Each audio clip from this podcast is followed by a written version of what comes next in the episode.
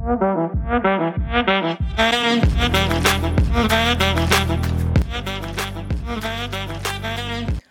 ljudi, ja sam Leana i dobrodošli u četvrtu epizodu podcasta Nedozvoljena.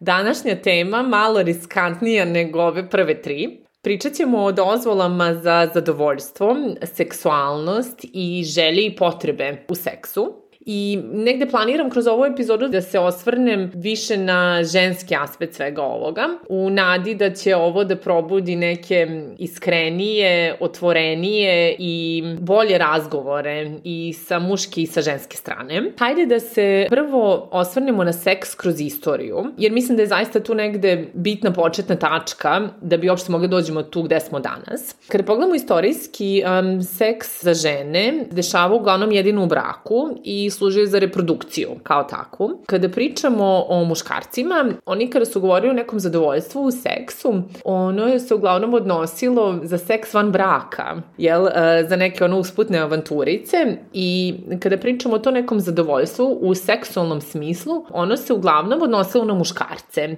Istorijski se nije pričalo o ženskom zadovoljstvu i ženskim potrebama, e, željama i pozdravima. Zaista to neko žensko zadovoljstvo vekovima nije bilo ni bitno ni prepoznano prepoznato, jer kada pričamo o ženama, ona mora bude dobra, ona mora bude smerna i ona ne može da ima neke lude ili bezobrazne ideje ili potrebe. E sad, ajde malo da se vratimo u neku bližu istoriju, da kažemo nekih poslednjih 30 nešto godina. Ja kada malo samo razmislim u stvari o seksu i o nekim prvim pričama o tom, o tom iskustvu, ja se sećam ono razgovora mojih roditelja sa mnom kada sam imala, ne znam, neke one 15 godina, 16, možda manje, ne sećam se, gde kada smo pričali o seksu, uglavnom se negde ta priča svodila na opasnost i na rizik. Nemoj da zatrudniš, nemoj da pokupiš neku boleštinu. Iako su to neke bazične i mnogo bitne stvari o kojima moramo da pričamo, nisu jedine. Nije se pričalo o zadovoljstvu. Nije se pričalo šta je ono što nam prija, što nam ne prija. Da li treba da kažemo ne da, kako da izrazimo svoje potrebe i želje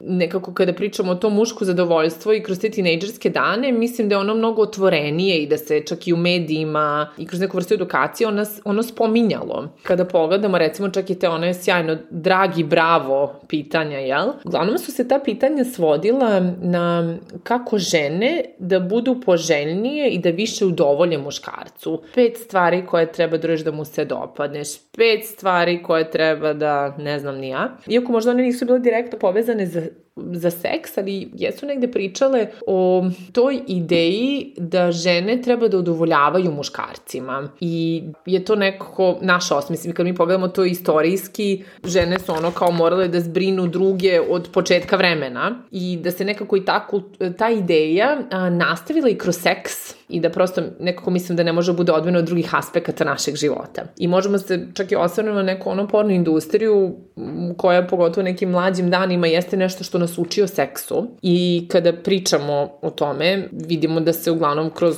pornografiju izražavaju muške potrebe, muške želje i ispunjenje tih istih. I zaista nekako mislim da ta pornografija predstavlja i kreira kulturu u kojoj smo. A to je da kroz takav sadržaj muškarci uče kako treba da se ponašaju i koje su njihove želje i potrebe, a da žene normalizuju kako se prema nama treba ponašati i da budemo vrlo iskreni, ako ćete ikada pogledati pornić, niko se se tu baš nešto nije jako uzbudio i potrudio da žena bude zadovoljena, da ženi bude lepo i prijatno, nego su sve te scene uglavnom fokusirane kako je muškarcima jako jebeno dobro. E sada, nekako mislim da je sve to zaista povezano, jer su to neke osnove na kojima mi učimo o našem zadovoljstvu, da ne kažemo manjku istog. I kada pričamo uopšte o zadovoljstvu, zadovoljstvu kao takvom, ono mora da se negde fokusira na istraživanje našeg tela, jer mi mogli da komuniciramo šta želimo u bilo kom odnosu, ozbiljnijem ili manje ozbiljnom, mi moramo da poznamo šta su naše želje. I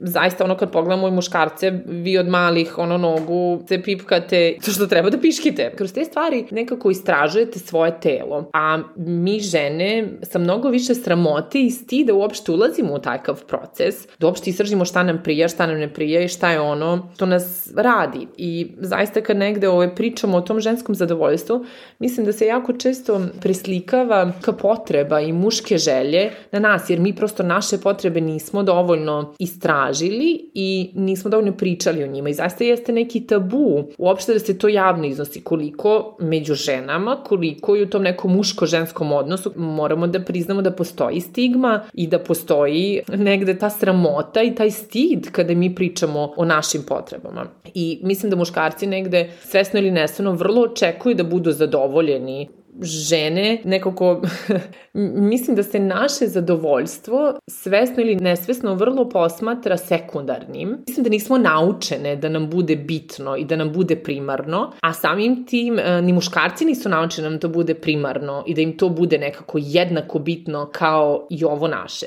I zaista kad e, razmislim i o svojim iskustvima, pogotovo nekim mlađim danima, nekako nisam smatrala da je moje zadovoljstvo nešto što meni pripada i da je nešto na šta imam pravo mislim da sam se mnogo puta čak i zapitala, jel, zašto bih ja izražavala nešto ili da li, znaš, da li je kod toga vredno da se cimam, izražavam, tražim, a mislim da negde muškarci vrlo otvoreno podrazumevaju takve stvari, da se čak možda i ne zapitaju mnogo puta zašto je to tako. Mislim da je negde kada pričamo o tom izražavanju želja i potreba mnogo ključno da mi prvo vidimo šta je ono to što mi hoćemo.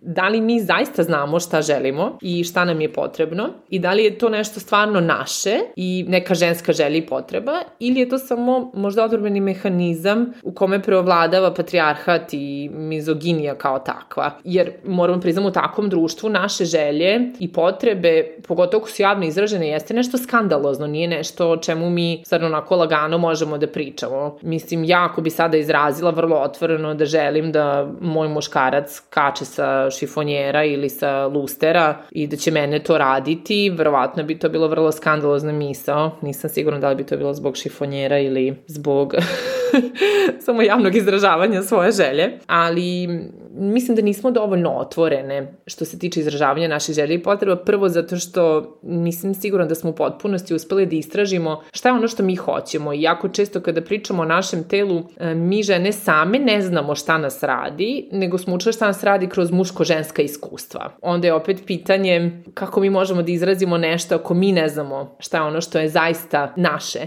ta ista priča nekako mislim da važi i za muškarce. Mislim da mnogo želja i potreba koje muškarci imaju, koliko ih oni izrazili ili ne, istinski nisu njihove. Isto su i oni naučeni da on sad hoće, taj grubi seks hoće da mu se ti pojaviš tu kao učiteljica, vaspitačica, šta god ga radi. Što je okej, okay, super ako to jeste neka naša fantazija i potreba, ali koliko je zaista sve to naučeno, a koliko je sve to ono što je naše i da li to nas zaista radi ili smo učeni da treba nas radi kroz ili onako iskustvo.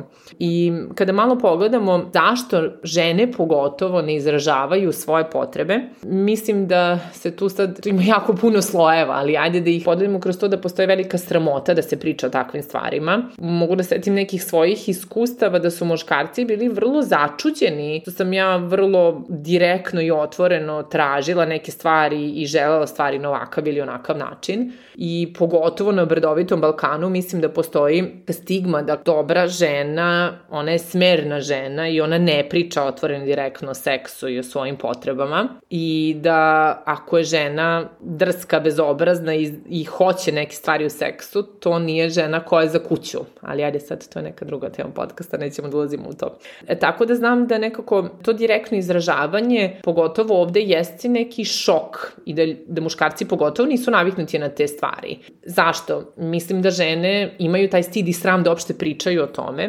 i da ne žele da povrede nečiji ego, da će on biti malje dobar ljubavnik ili jebač ukoliko ona njemu kaže da nešto ne radi kako treba ili ona žela nešto drugačije.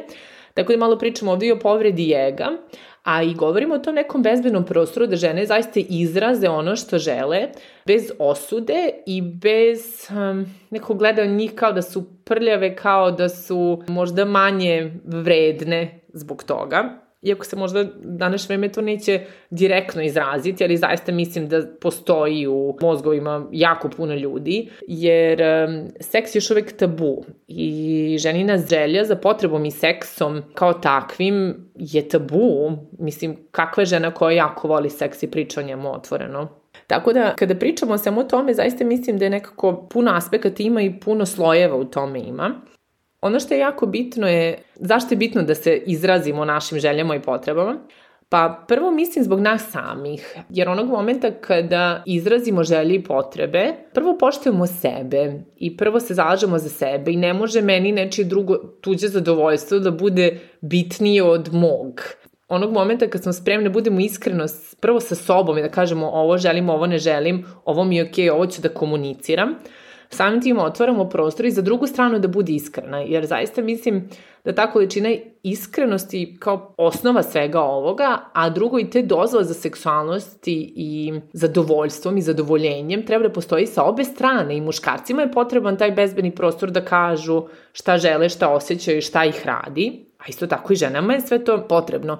I stvarno nije bitno da li mi pričamo ono vezamo od pet godina, pričamo o brakovima ili pričamo o vezama na jednu noć, da, šokantno, znam i žene imaju veze za jednu noć. Za svim ti slučajima je potrebno da se zalažemo za sebe, jer svaki seks i svaki seksualni odnos koji se desi u bilo kom obliku zahteva od nas poštovanje nas samih. Meni se zaista desilo nekoliko puta da sam bila u nekoj situaciji rekao pa dobro nije mi bitno, ne moram to da kažem, možda se više nećemo videti. Kao stanem i mislim se stani bre ženska glava, ono ispoštuj sebe, ispoštuj svoje potrebe. Ti ovo ne radiš zbog nekog drugog, ti ovo radiš zbog sebe, zato što je tebi tvoja želja i potreba i zadovoljstvo su jednako bitni kao i nečiji drugi. I pogotovo, mislim, kao ako se mi ne založimo za sebe i mi ne stanemo na našu stranu, kako možemo očekivati od muškaraca da isto urade za nas. I ono što mislim da je jako bitno da kada pričamo to nekom otvorenom prostoru i otvorene komunikaciji, ne mislim da sad treba da tresnemo samo neku informaciju. Ja mogu da vam dajem jedan sjajan primjer koji je mene naučio da ove stvari onako malo bolje i kvalitetnije iskomuniciram,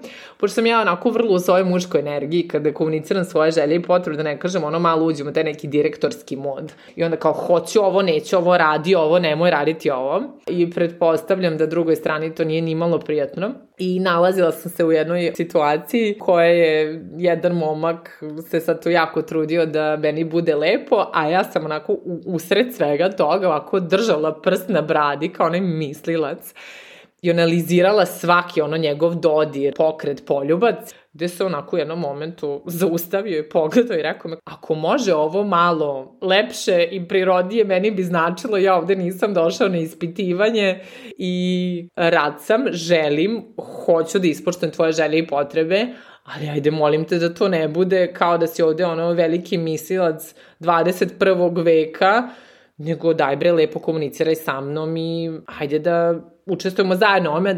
Tako da definitivno preporučujem da kada budete komunicirali svoje potrebe da to ne bude tako, da ne uđete ono mislilac pozu, nego da zaista otvoreno i iskreno iskomunicirate šta je ono što želite, šta je ono što vas radi, šta je ono što vas ne radi, jer mislim da to prvo vodi do nekog kvalitetnijeg iskustva iz ženske perspektive, a samim tim iz muške. Ne mora to da bude sad seks koji će voditi do braka, ali može samo da bude seks gde će obe strane biti jednako zadovoljne i srećne. Jer razmislite samo o tome, muško zadovoljstvo se podrazumeva, a ženo zadovoljstvo se jako često posmatra kao luksus. I mislim da je stvarno pravo vreme da nekako damo prostor e, za naše želje i potrebe, jer i onog momenta kada mi otvorimo prostor kao žene da pričamo o našim željama i potrebama, mislim da otvoramo i muškarcima puno prostor da izraze svoje i da se zaista i pokažu koliko žele da budemo jednaki u takvim odnosima, a drugo da izraze i svoje želje i potrebe. I nekako mislim da u ovim situacijama mnogo bitno da vidimo šta će preovladati strah da će biti odbijena i da ovo neće biti prihvaćeno ili naša seksualnost, znati želja, želja i potreba.